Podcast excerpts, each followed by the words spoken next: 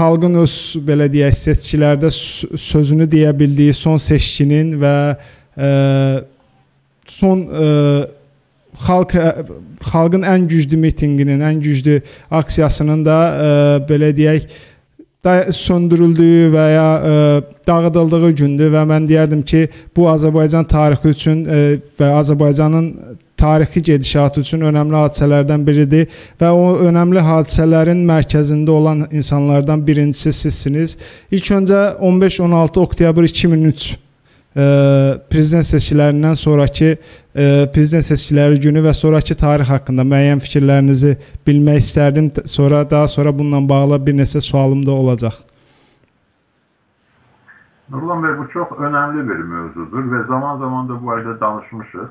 Çox geniş bir mövzudur. Mən sadəcə qısaca tez istifadə bir bəzi fikirlərimi e, çatdırım tamaşaçı sizə və tamaşaçılarımıza. Yəni zamanda hətta bir e, qeydlər də yazmışdım bu barədə ki, e, bütün bu hadisələr Azərbaycan tarixinin ən önəmli səhifələrindəndir və bu səhifələrdə Azərbaycan xalqının iradəsi və Azərbaycan xalqına qarşı kənardan təsirlərin, təzyiqlərin, müdaxilələrin tarixini biz görmüş oluruq. Yəni orada qeyd eləmişdim ki, e, əgər 28 may Azərbaycanın müstəqilliyinin əldə edildiyi bir gündürsə, e, 18 oktyabr 1991-ci il müstəqilliyin bir bərpa edildiyi bir gündürsə, yəni bu iki gündə xalqımız öz azadlığa, istiqlala e, münasibətini göstərmişdi. Azadlıq uğrunda hər bir fədakarlığa hazır olduğunu nümayiş etdirmişdi. Əhəmiyyətinə görə e, bu hadisələrlə eyni olmasa da, mahiyyətinə görə bu hadisə ilə eyni e, günlərdən biri də məsəl üçün 92-ci ilin 7 iyun prezident seçkiləridir. Və eyni zamanda 15 oktyabr 2003-cü ilin e, prezident seçkiləridir. 1992-ci ilin e, 7 iyununda və 2003-cü ilin 15 oktyabrında Azərbaycan xalqı öz iradəsini ortaya qoymuşdur. Hakimiyyətə özünün inandığı şəxsləri gətirməyə, özü ilə bir yerdə olan, xalqla bir yerdə olan qüvvələri gətirməyə, 92-ci ildə Xalq Cəbhəsini, 2003-cü ildə isə müsavatı hakimiyyətə gətirməyə e, mövqeyini göstərmişdi xalqımız. Yəni bu günləri, həmin günləri mən əhəmiyyət, əhəmiyyətinə görə deyil, ancaq mahiyyətinə görə, istiqamətinə görə həmin istiqlal günləri ilə müqayisə edirəm. Eyni zamanda 16 oktyabr günü də e, əhəmiyyətinə görə olmasa da mahiyyətinə görə, istiqamətinə görə 27 aprel 1920, 1920-ci illə müqayisə edilə bilər. E, və e, 1993-cü ilin 4 iyun qiyamı ilə müqayisə oluna bilər. Çünki e, 1920-ci ilin 27-28 aprelində Rusiya Azərbaycanı yenidən işğal etdi və Azərbaycanın istiqlalını əlindən aldı.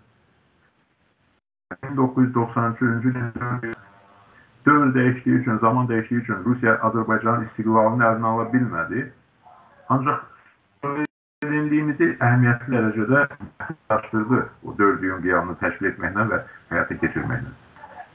Eyni şəkildə də 16 oktyabrda Rusiyanın dəstəyi ilə Azərbaycan xalqının öz seçimini etməsi imkanının qarşısı alındı.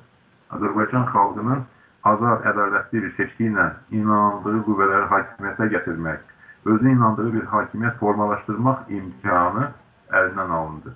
Yəni 2003-cü ilin 16 oktyabrında faktiki olaraq ə, e, Azərbaycanın demokratiyasına sərhəd qoyuldu Rusiya tərəfindən, Moskva tərəfindən. Təbii ki, həmin hadisələrin Rusiyadan başqa da iştirakçıları var idi. Ölkə daxilində də hakim rejim e, xalqın iradəsinə qarşı çıxmaqla e, Rusiyanın mövqeyinə dəstək vermiş oldu. Ancaq mən bunların hamısını eyni xəttdən idarə olunan, Moskvadan idarə olunan Azərbaycan xalqının istiqlalını, azadlığını, demokratik inkişafının qarşısını alan hadisələr kimi qiymətləndirirəm.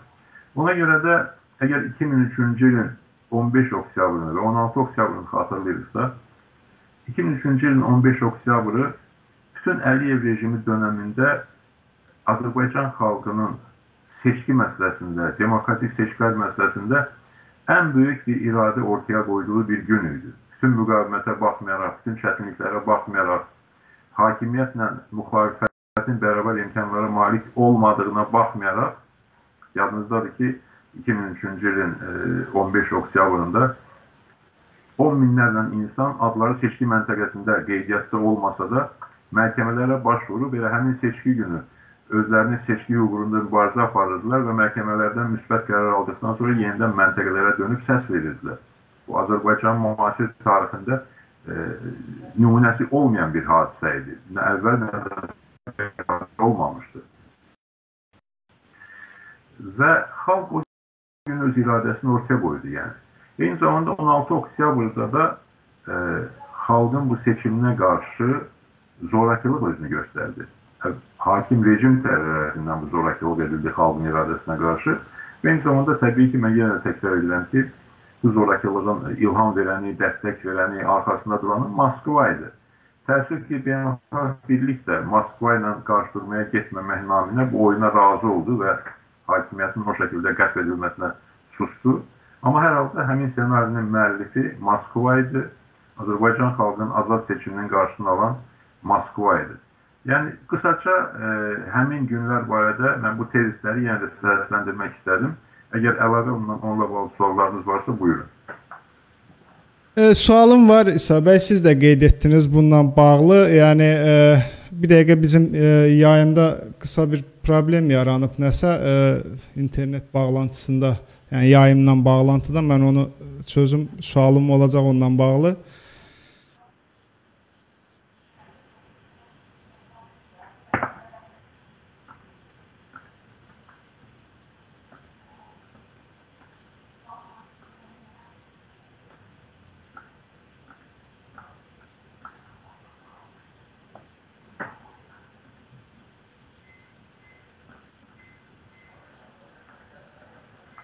Facebook səhifəsindən nəsə ə, e, artıq yükləmə var deyənə ə, e, yayımda gecikmə var, ə, e, daha doğrusu donma var, onu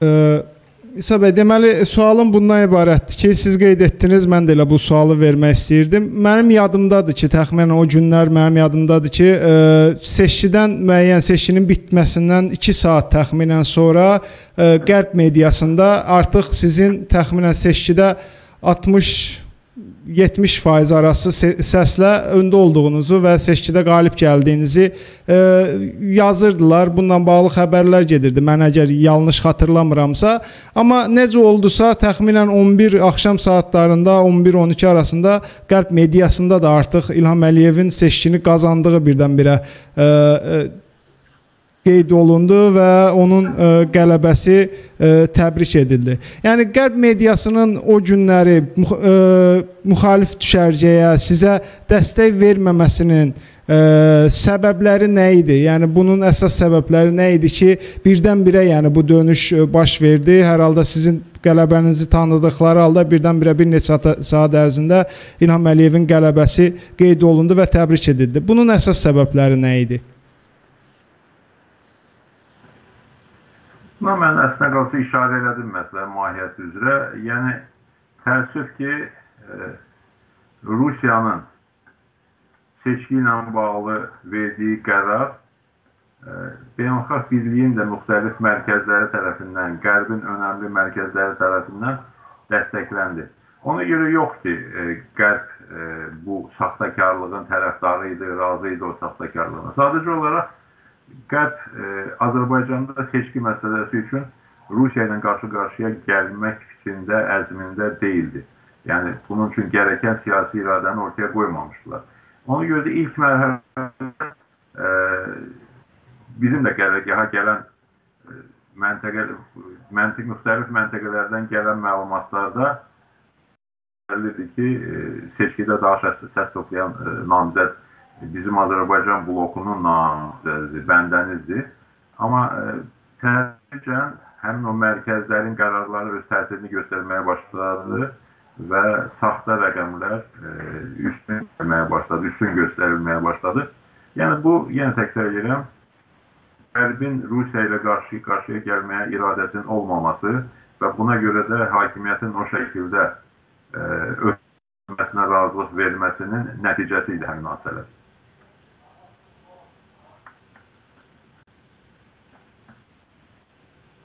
Bəs bu günləri, yəni Qərbin o günlər o gün göstərdiyi e, baxış və ya belə deyə verdiyi dəstək bu gün dəyişibmi? Və ikinci əsas sualım odur ki, o gün əgər e, demokratik düşərgə qalib gəlsəydi, bu gün e, biz məsəl üçün bir neçə bir il bundan öncə Qarabağ ə, qələbəsinə sevindik və bu məsələnin daha tez həll olunması ehtimalı var mıydı? Bununla bağlı da yəni fikirlərinizi bilmək istərdim və bu məsələni hələ ki ə, yekunlaşdırmaq istərdim. Mən hesab edirəm ki, e, təbii ki, əgər 2003-cü il seçkilərin nəticəsi qeydə alınsaydı, e, gerçəkləşsəydi, o zaman e, Azərbaycanın vəziyyəti indikindən qat-qat yaxşı olardı və e, bir çox problemlər, o cümlədən Qarabağ problemi də daha çox, daha tez həll oluna bilərdi və e, digər sahələr, söhbət təkcə Qarabağ məsələsindən getmir. Bütün digər məsələlərdə də e, Azərbaycanın inkişaf səviyyəsi, problemlərin həlli tamamilə başqa şəkildə olardı. Amma dünya belə qurulub ki, tarix bir variantda olur. Tarix o şəkildə baş verir. Ona görə də tarixi təhlil edir. Ancaq hər halda e, bir şeyi hamımız aydın şəkildə başa düşməliyik ki, keçmişi dəyişmək mümkün deyil. Ən müxtəlif fikirlər ola bilər, rəylər ola bilər, ancaq keçmişi dəyişmək mümkün deyil. Eyni zamanda gələcəyi dəyişmək nəinki mümkündür, hətta lazımdır və əsas diqqət keçmişi təhlil etməklə yanaşı, öyrənməklə yanaşı, hər tərəfli araşdırmaqla yanaşı, əsas diqqət gələcəyi dəyişməyə yönəldilməlidir.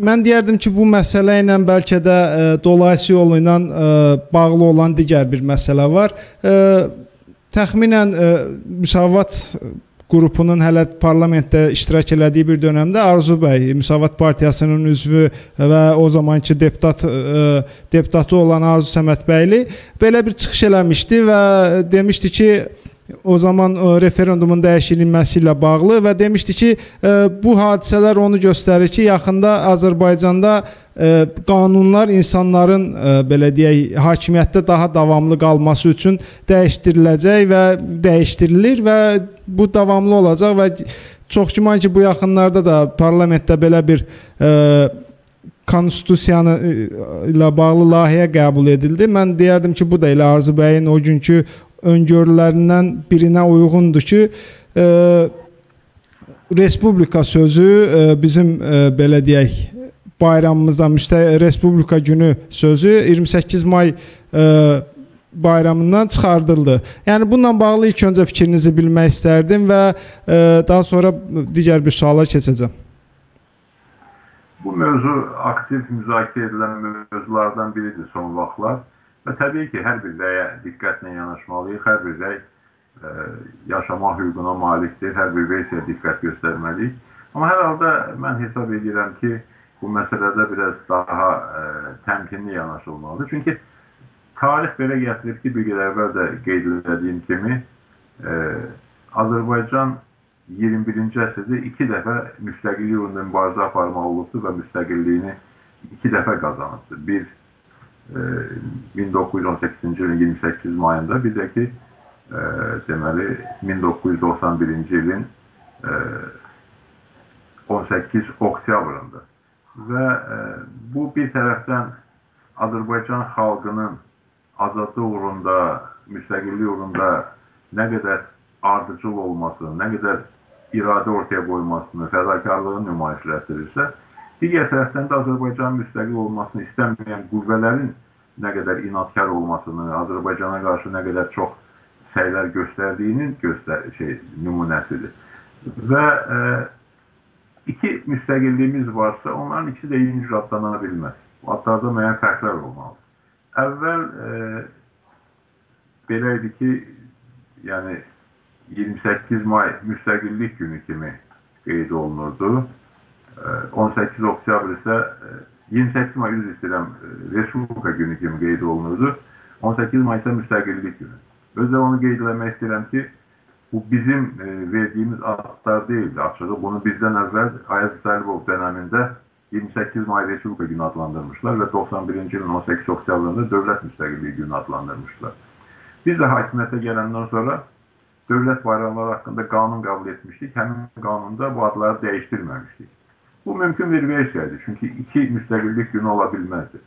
İndiki hakimiyyət isə müstəqilliyin bərpa edilməsinin 30-cu il dönümü ərəfəsində belə bir dəyişikliyə getdi.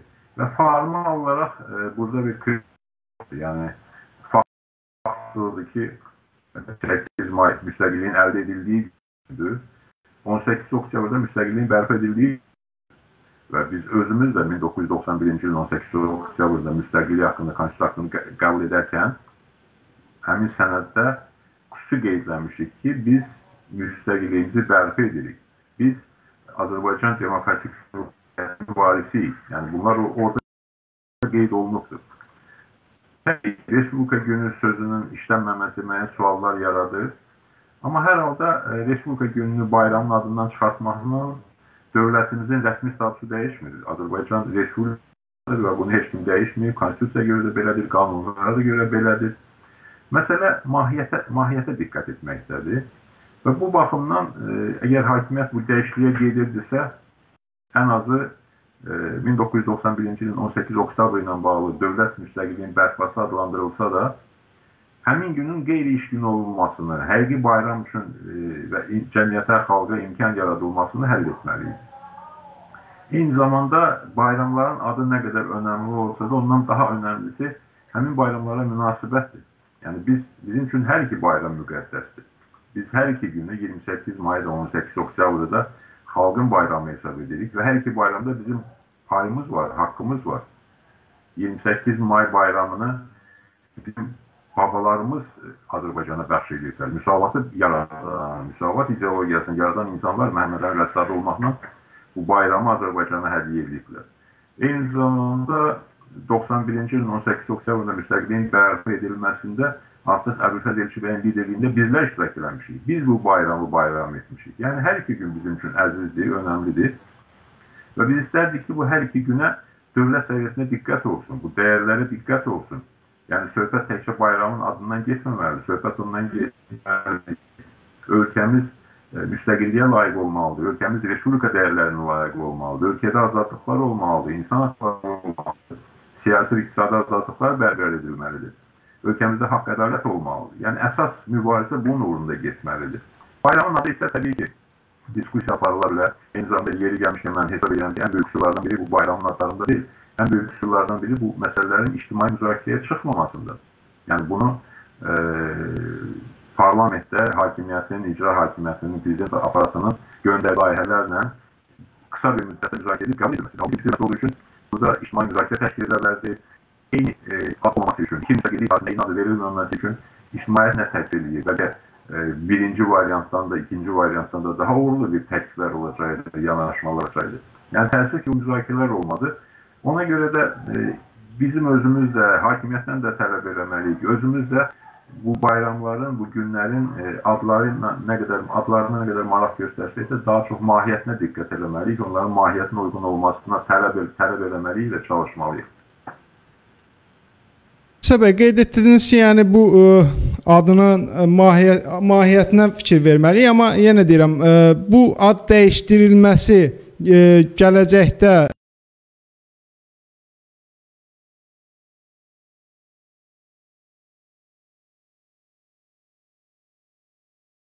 ə, belə deyək, ümumiyyətlə ölkədəki o siyasi sistemin dəyişdirilməsinə bir ə, ilkin addım ola bilərmi? Yəni ə, məsəl üçün respublika ə, idarə etmə üsulundan monarxiyaya keçid üçün bir belə deyək də insanların beynindən o respublika sözünü ə, silərək ə, yavaş-yavaş insanlara digər ə, hakimiyyətə sərf eləyən idarə etmə üsulunu e, beyinlərinə yer etmək və daha sonra da bunu tətbiq eləmək. Yəni bunun ilkin başlanğıcı kimi e, nəzərdə nəzərdə tutmaq olarmı bunu? Yox, olmaz. Bu mümkün deyil və düşünürəm ki, heç kimdə belə xam xəyala düşə bilməz. Bu mümkün olan şey deyil. Və e, mən mənim belə bir e, bu məsələdə hər hansı bir narahatlığım yoxdur. Hakimiyyət nə qədər anlaşılmaz səhvlərə yol verirsə də bu məsələdə e, mən hesab edirəm ki, dəyişiklik mümkün deyil və heç kim də bu dəyişiklik nəinki getməz, hətta cəhd eləməz. Mən buna əminəm. Və xalq, xalq da buna yol verməz. E, bizlər də buna yol verməliyik. İsa bəy, elə o 16 oktyabrda bildiyimiz kimi bir çox müsavatçılar həbs olundu, ə, əziyyət gördülər, amma ə, bu il də elə o 16 oktyabrdan çox da fərqlənməyən ə, bir hadisələr baş verdi. 16 oktyabra yaxınlaşan ə, günlərdə siyasi repressiyalar yenə artmağa başladı. Cəbhə, Xalq Cəbhəsinin üzvləri, Müsavat Partiyasının üzvləri həbs olundu. Hələ artıq bu gün də daha bir cəbhəçinin ə, oğurlandığı xəbəri yayıldı. Ondan ondan heç bir məlumat alınmır, ə, almaq mümkün deyil. Yəni heç bir xəbər alınmayıb. Yəni bunun ə, bu siyasi repressiyaların belə artan xətt üzrə davam etməsinin ə, səbəbləri nədir? Bu müstəqillik gününə yaxınlaşan günlərdə bu 16 oktyabrı xatırladan bizə o 2003-ü xatırladan günlərdə eyni hadisələrin təxminən təşkil olunmasının səbəbi nədir? Bu doğrudan da çox ciddi e, məsələdir və bu yol verilməzdir. Bunu mən son dəfələrdə dəfələrlə qeyd etmişəm ki, xüsusən e, 44 günlük savaşda qalib gəlmiş bir xalqın dövlətində olmamalı məsələlərdir, yol verilməməli məsələlərdir. Yəni, e, indiki mərhələdə e, bu cür repressiyaların baş verilməsi e, Azərbaycana yaraşmır və e, hakimiyyət bunu aydın şəkildə dərk eləməlidir. Uydurma bəhanələrlə insanların tutulması, həbs edilməsi, incidilməsi e, yəni tam bir biabırçılıqdır. Bilirsiniz, gülünçdür axı, yəni 5-10 manat kimsə kimdənsə pul alıb, buna görə Niyamətin e, Əhmədovu həbs edib, onu e, terroru maliyyələşdirməkdə ittiham eləmək doğrudan da çox gülünçdür. Yəni dünyada terror şəbəkələri var, dünyada terror təşkilatlar var. E, həmin şəbəkələr, həmin təşkilatlar e, milyardlarla pullar xərcləyirlər, oyunlar oynayırlar və burada bir nəfər kimdənsə 5-10 manat pul alıb deyin, adamı tutub e, terrora maliyyə dəstəyi vermək, terrora maliyyələşdirmək, ittiham ilə sürmək Bilirsiniz, əgər belə faciəvi olmasaydı, insan talihindən söhbət getməsəydi, çox gülünc olardı. Amma söhbət insan talihindən gedir. İnsanın tutulmasından, əsassız olaraq tutulub işgəncələrə məruz qalmasından e, və uzun müddətli həbs cəzasına e, məruz qoyulmasından bu yol verilməz hadisələrdir. Eləcə də digər həbslər, yəni cəbhəçilərin son, son günlərdə saxlanılması və müxtəlif şəkildə incidilməsi əsasən Niyaməddinin e, azadlığı uğrunda aparılan mübarizədən keçirilən aksiyalara görədir. Eyni zamanda bir sıra müsavaşlara da son vaxtlar təzyiqlər, repressiyalar bir-birini əvəz edir.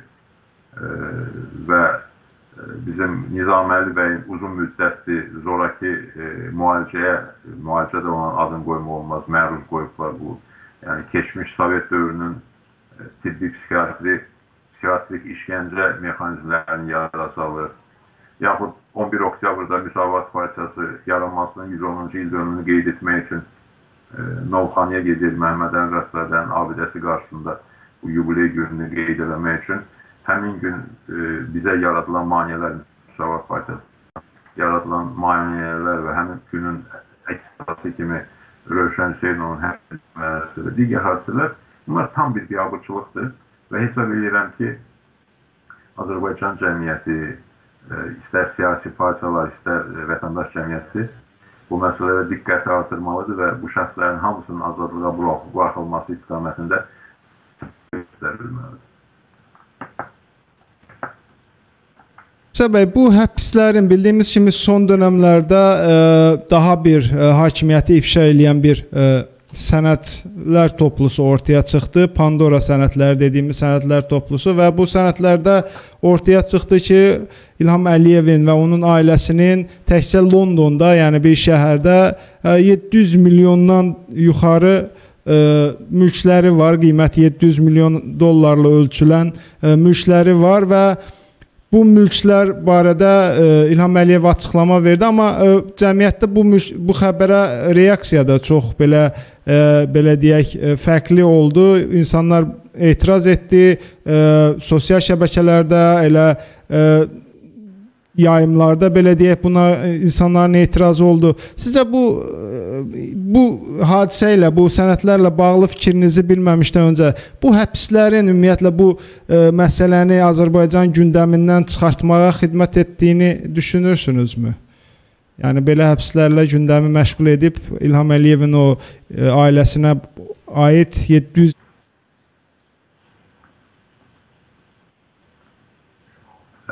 Səsiniz gəlmədi. Səsiniz gəlmədi. Yəni sualım odur ki, ə, sualım odur ki, yəni bu həbslər o İlham Əliyevin bu məsələləri ortaya çıxan sənədlərin Azərbaycan gündəmindən, mətbuatından, sosial şəbəkələrdən ə, azalmasına ən azından çalışmaq üçün edilən bir həbslər olduğunu ə, düşünürsünüzmü? Valla nə bilim, yəni e, elə vəsiqəli sürmək olar. Ancaq sözün doğrusu e, mən hesab eləmirəm ki, cəmiyyətin bu reaksiyası kifayət qədər e, ciddi oldu. Təəssüf ki, cəmiyyət bu məsələlərə e, o qədər də böyük bir reaksiya vermir. Bunu məncə açıq etiraf eləmək lazımdır. Və e, cəmiyyətin buna e, e reaksiya verməməsinin də müxtəlif səbəbləri var. E, səbəblərdən biri məncə odur ki, e, bu dəfələrlə məsələlərə münasibət bildiribdir. Yəni bu mövzular deyil ki, e, ictimai fikrə təqdim olunur. Elə e, mən sizə 2010-cu ili yada salıram ki, ilk dəfə bu tipli bir mövzu oldu, Durmuvay mülkləri mövzusu oldu və e, ilk dəfə idi ki, hakim rejimin korrupsiya əməlləri ilə bağlı bu cür açıq şəkildə informasiya cəmiyyətə təqdim olundu. O zaman e, Müsavat Partiyası xüsusi bir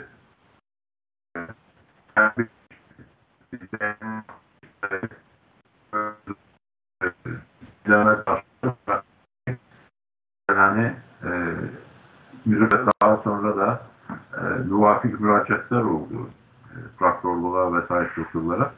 Ve o zaman mesela için bu mevzuya dikkat bence indikinden daha çok uydu. Ama e, bunun bir neticesi olmadığı için hakimiyyət e, hakimiyyət e, bu məsələni örtbasır edə bildi və müəyyən qeyri-inandır, inandırıcı olmayan izahatlarla bu məsələni bağladı və cəmiyyət e, bu reaksiyanın bir nəticə vermədiyini gördükdən sonra bu bir məsələdə ki, e, verməmək mövqeyinə gəldi. Mən düzgün başa düşün. Bu mövzuda e, yəni aksiyalar keçirilibdi, çox sayılı davamlı şəkildə bu barədə danışılıbdır. Mən elə 2010-cu il bizim o dəyir masa mühasirələrini xatırlayıram. YouTube-da yerləşdirilmişdi və e, yüz minlərlə insanlar bu verilişlərə baxmışdılar. İndi də bu tipli mövzular gələndə e, yüz minlərlə insanlar e, YouTube-da, Facebook-da və başqa sosial şəbəkələrdə bu məsələlərlə bağlı çıxışları dinləyirlər, məlumatları dinləyirlər, maraq göstərirlər. Ancaq bu maraq göstərməkdən təəssüf ki, o tərəfə keçmir cəmiyyətin reaksiyası. Və bildiyim kimi, e, bu da e, əvvəlki dəfələrdə bu reaksiyanın verilməsinin hansısa bir nəticəyə gətirib çıxarmamasının yaratdığı elə bil ki, laqeydlik ola bilər. Mən istəyirəm ki, bu barədə bəzi fikirləri açıq səsləndirək ki, çıxış yollarını tapa bilək. Və e, çox təəssüf ki, indiki mərhələdə də cəmiyyət bu tipli söhbətlərə maraqla qulaq asır, dinləyir və öz aralarında insanlar bu mövzuları geniş danışırlar. Ancaq indiki mərhələdə e, aparılan mübarizənin hər hansı bir dəyişikliyə gətirib çıxarmadığını gördüyü üçün cəmiyyət bunu ancaq dinləməklə və öz aralarında dəyərləndirməklə kifayətlənməkdədir. Hakimiyyət bu məsələlərə inandırıcı izahat verə bilmir. Hakimiyyətin bu məsələdə deyəcəyi belə bir məsələ yoxdur. Amma qəribə bir şəkildə elə bil ki, bu tipli məlumatlar yayıldıqca elə bil ki, hakimiyyətin korrupsiya əməlləri, hakimiyyətin topla sərvət toplanması elə bil ki, adi bir hadisəyə çevrilir və cəmaət da bu məsələyə e, internetdə və şəxsi söhbətlərdə maraq göstərməklə, mövzuları müzakirə etməklə yekunlaşır.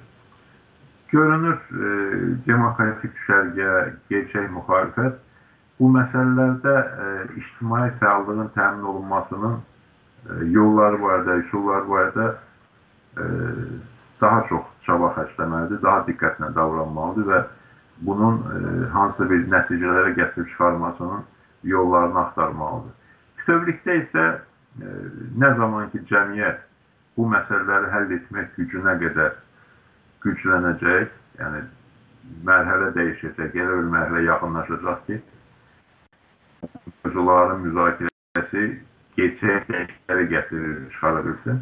Xalq onun gerçək dəyişikliyə gətirib çıxara biləcəyinə əmin olandan sonra hesab edirəm ki, cəmiyyətin məsələləri reaksiyası da daha çox olacaq. Ancaq halda yenə təkrar edirəm, e, siyasi partiyalar, e, vətəndaş cəmiyyəti və media bu məsələlərin sadəcə e, şəbəkələrdə daha çox reyting yığmaq, izləmə yığmaq kimi yox, həm də konkret dəyişikliklər çıxara biləcək e, üsulları barədə, demokratik mübarizə üsulları barədə düşünməlidir.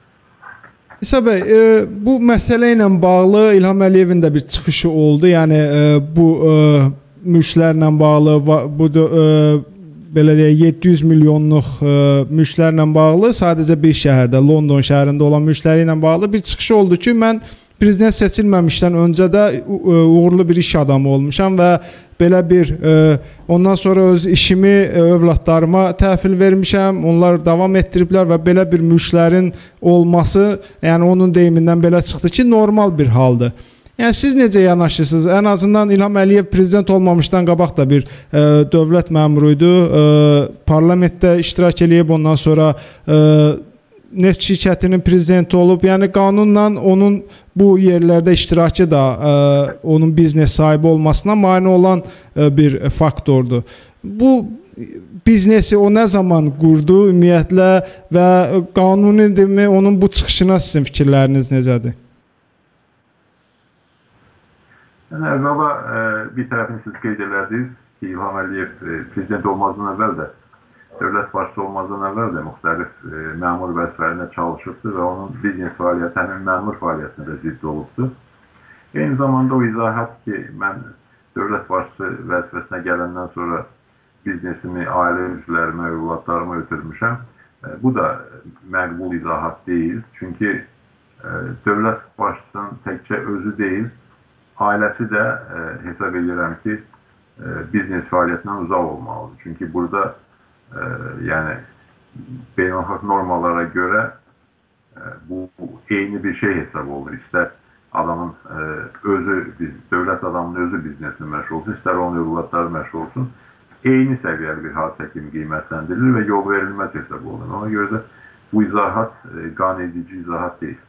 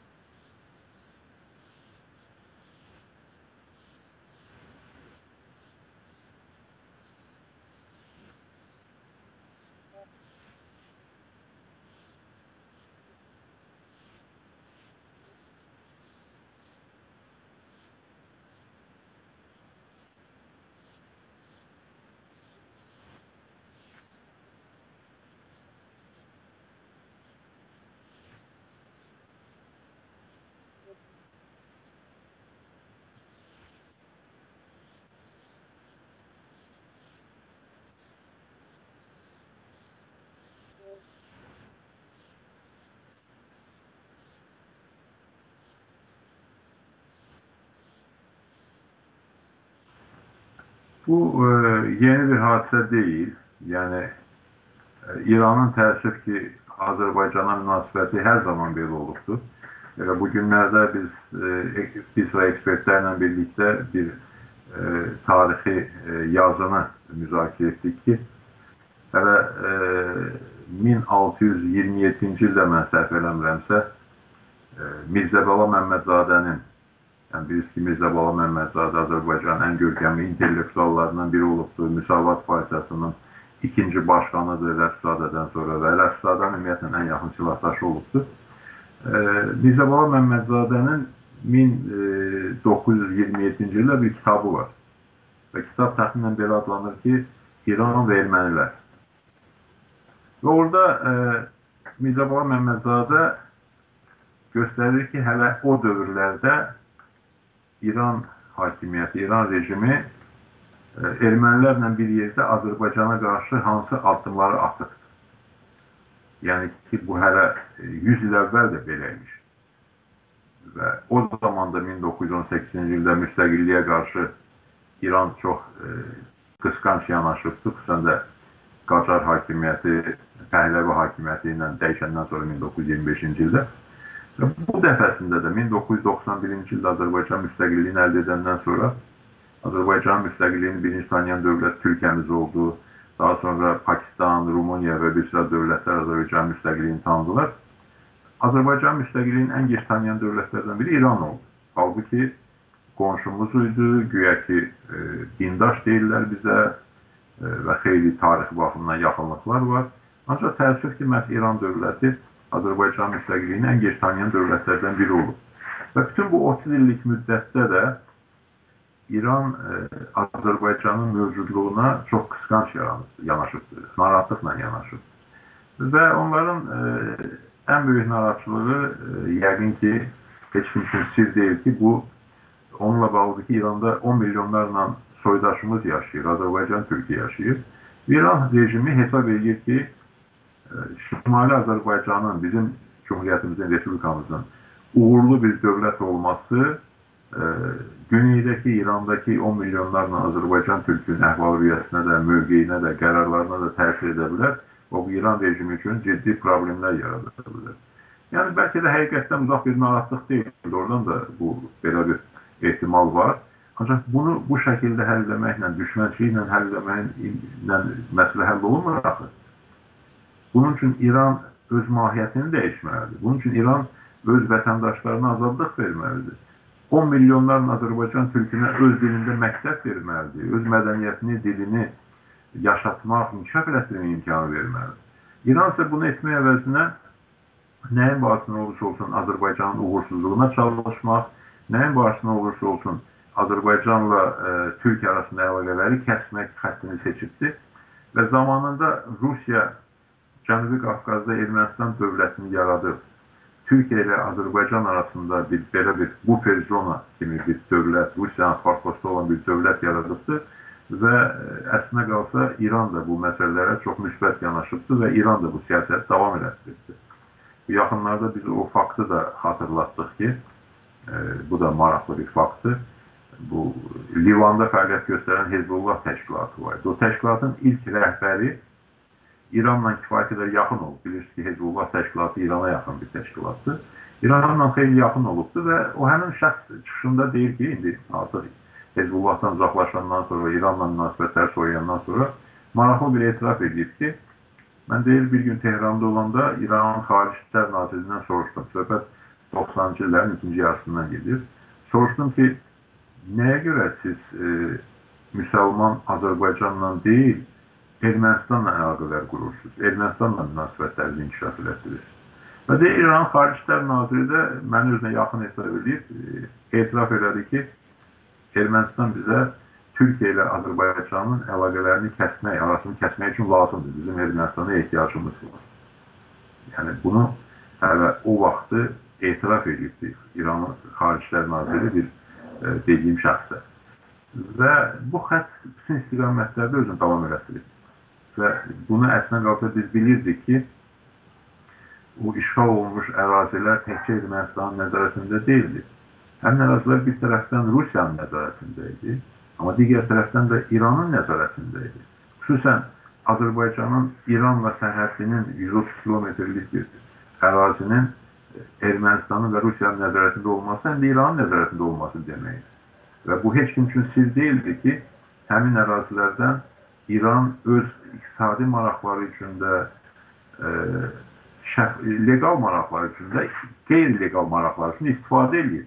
Hər zaman biz demişik ki, həmin o zona, işğal zonası e, qaçaqmalçılıq üçün istifadə olunub, narkotiklər üçün istifadə olunub, silah qaçaqçılığı üçün istifadə olunub və başqa qanuna zidd əməllər üçün istifadə olunub. Hələ mən o tərəfini demirəm ki, orada işğal olunmuş bütün ərazilərdə bizim evlərimiz, binalarımız, e, körpülərimiz, hətta qəbir daşlarına qədər dağıdılıbdır və onlar e, əksəriyyəti satılıbdır. Eyni zamanda bir çox hissələri bunun İrana satılıb. Yəni İran bu cür düşmən bir münasibət bəsləyib Azərbaycana hər zaman.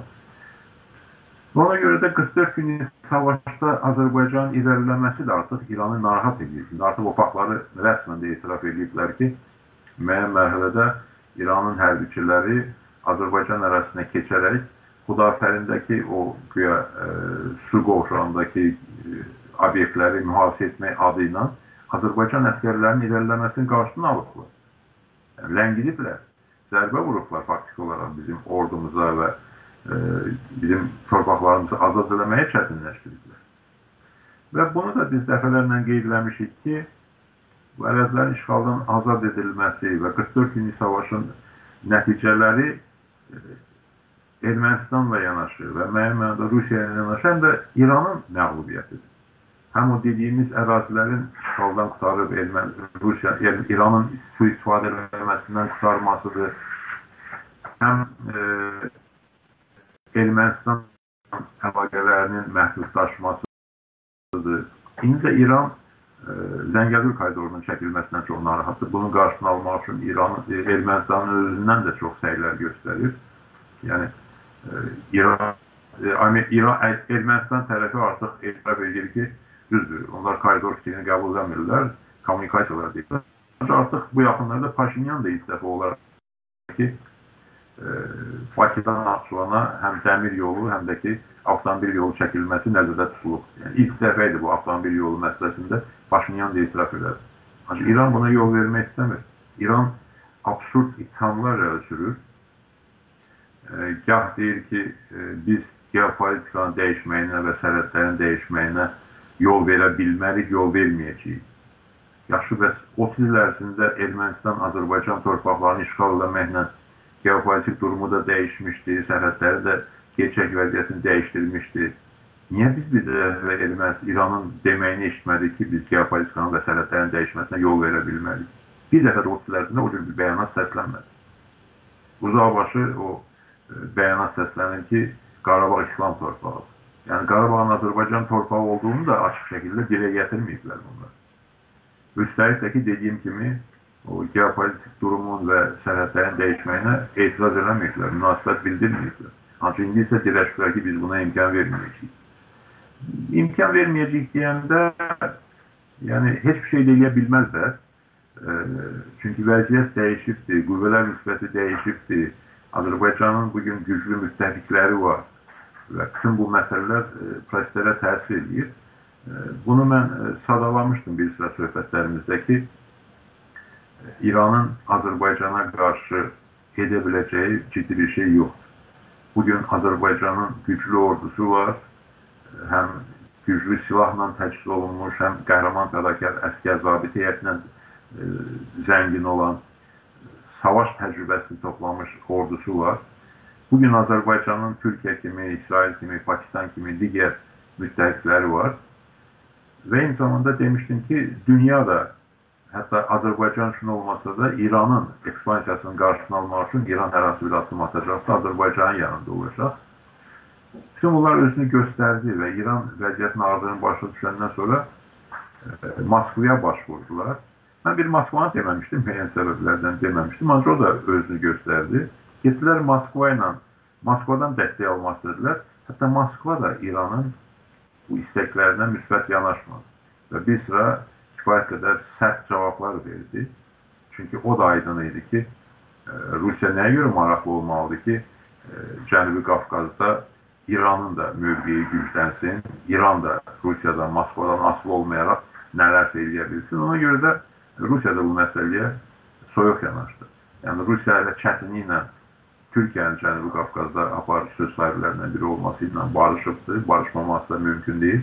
Əlavə də İranın da burada fəallaşması və e, Rusiyanın maraqlarına problem yaratması təbii ki, Moskvanın e, istəklərinə və yanaşmasına uyğun deyil. Ona görə də İran e, hər hansı bir Azərbaycana təsir göstərə bilməyəcəyini dərk edib geriyə addımlar atdı. İndi artıq məsələlərin diplomatik danışıqlarla çözülməsi istiqamətində açıqlamalar verməyə başlayıbdır. Yəni bu gerçək bir problem. Bilirsiniz, bəzən deyilir ki, bu mövzu Azərbaycan daxili mövzularından diqqət yəndirmək üçün aktuallaşdırılır. Yəni bu yanaşma məncə bu dərəcə doğru deyil. Azərbaycan daxili problemləri bizim problemimizdir. Biz problemləri danışmalıyıq, onların həllini tələb etməliyik. Onların həlli üçün mümkün nə varsa eləməliyik. Ölkədəki korrupsiya ilə bağlı, rüşvətçiliklə bağlı, siyasi məhbuslarla bağlı, repressiyalarla bağlı, ölkədə azadlıqların bərqərar olması üçün mübarizə aparmalıyıq. Vəziyyət doğrudan da ağırdır. Maaşlar aşağı, işsizlik yüksək səviyyədə, pensiyalar aşağı, üstəlik də ki, qiymətlər də artırılır. Bugünkü artımdan da yəqin xəbəriniz var. Bu hamısı bizim problemlərimizdir. Biz bu problemləri qaldırmalıyıq, danışmalıyıq, onların həllini hakimiyyətdən tələb eləməliyik, özümüz də mümkün nə varsa etməyə çalışmalıyıq. Ancaq bu o demək deyil ki, kənardan Azərbaycanın maraqlarına təhlükə yarananda, kənardan Azərbaycanın suverenliyinə təhdid olanda biz məsələyə diqqət yetirilməyik. Məsələyə diqqət yetirilməli.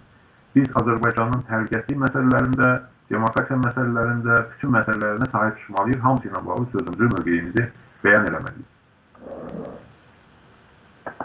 İsa bəy, qiymət artım məsələsinə toxundunuz. E, yəni torpaqlarımız işğaldan azad olundu. Artıq o ərazilərdə ə, e, müəyyən ə, e, əkin işləri də aparılır və ə, məhsul da əldə edilib demək olar ə, və Azərbaycan neftinin də dünyadakı qiyməti ötən illərə nisbətən artan xətt üzrə davam eləyir və hətta rekord qiymətə belə ə, gəlib çatdı.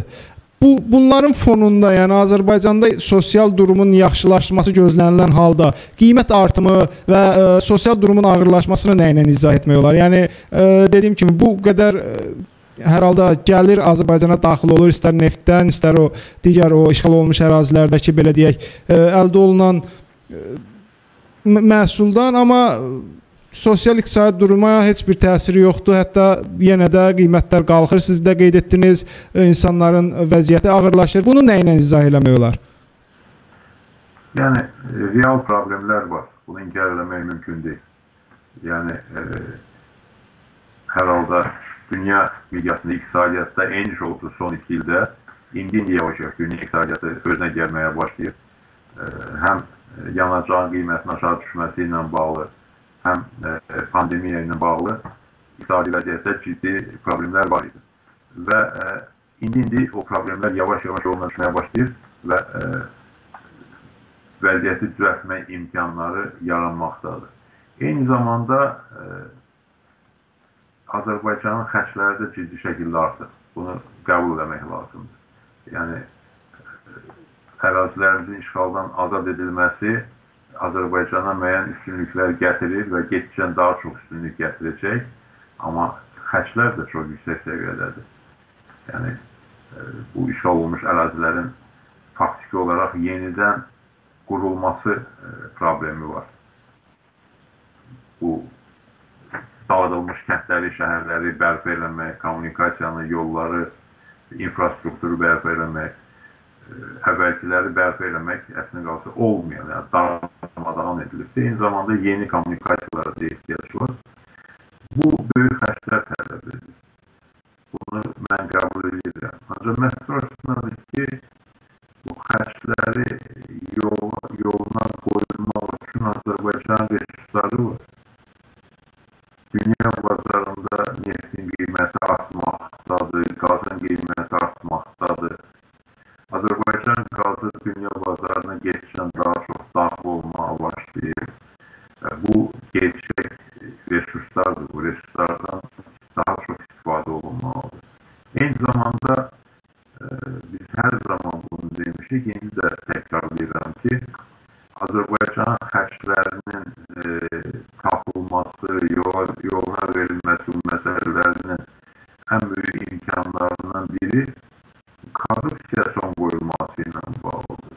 İqtisadi azadlıqların bərqərar edilməsi ilə bağlıdır.